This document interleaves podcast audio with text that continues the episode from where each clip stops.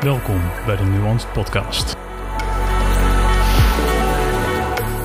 Dit is een aflevering van Stoïcijnse Gedachtes.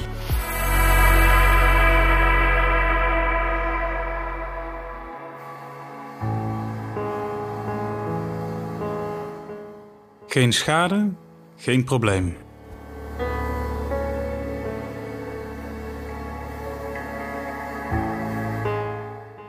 Stop met de mening dat je bent geschaad en de schade zal verdwijnen. Marcus Aurelius, Meditations 4.7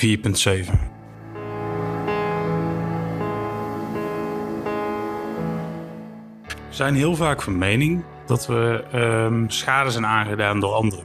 Um, dit citaat vraagt je eigenlijk om, om deze schade altijd in perspectief te zetten. Want um, wat vaak gebeurt is dat we bepaalde woorden ontvangen of bepaalde acties zien. En, um, maar deze kunnen gewoon heel anders in elkaar steken dan dat wij denken. Wij hebben in eerste instantie altijd een, een beperkt beeld op de situatie. En uh, de zender of de, degene die de actie onderneemt, uh, kan een bedoeling hebben die totaal anders is dan dat jij denkt. En wat vaak veel bepalender is, is de manier waarop jij de actie of de woorden ontvangt. Wanneer jij ervoor kiest om die negatieve interpretatie achterwege te laten, dan um, ervaar je eigenlijk geen schade. Precies het tegenovergestelde. Bepaal jij uh, om dat heel als schadelijk op te vangen of je jezelf beledigd te gaan laten voelen, dan, dan ervaar jij de schade. Misschien zonder dat de zender daar de intentie heeft. Of misschien wel, dat maakt in dit geval niet uit. Maar wanneer jij ervoor kiest om het anders te interpreteren, dan um, zul je de schade niet eens ervaren.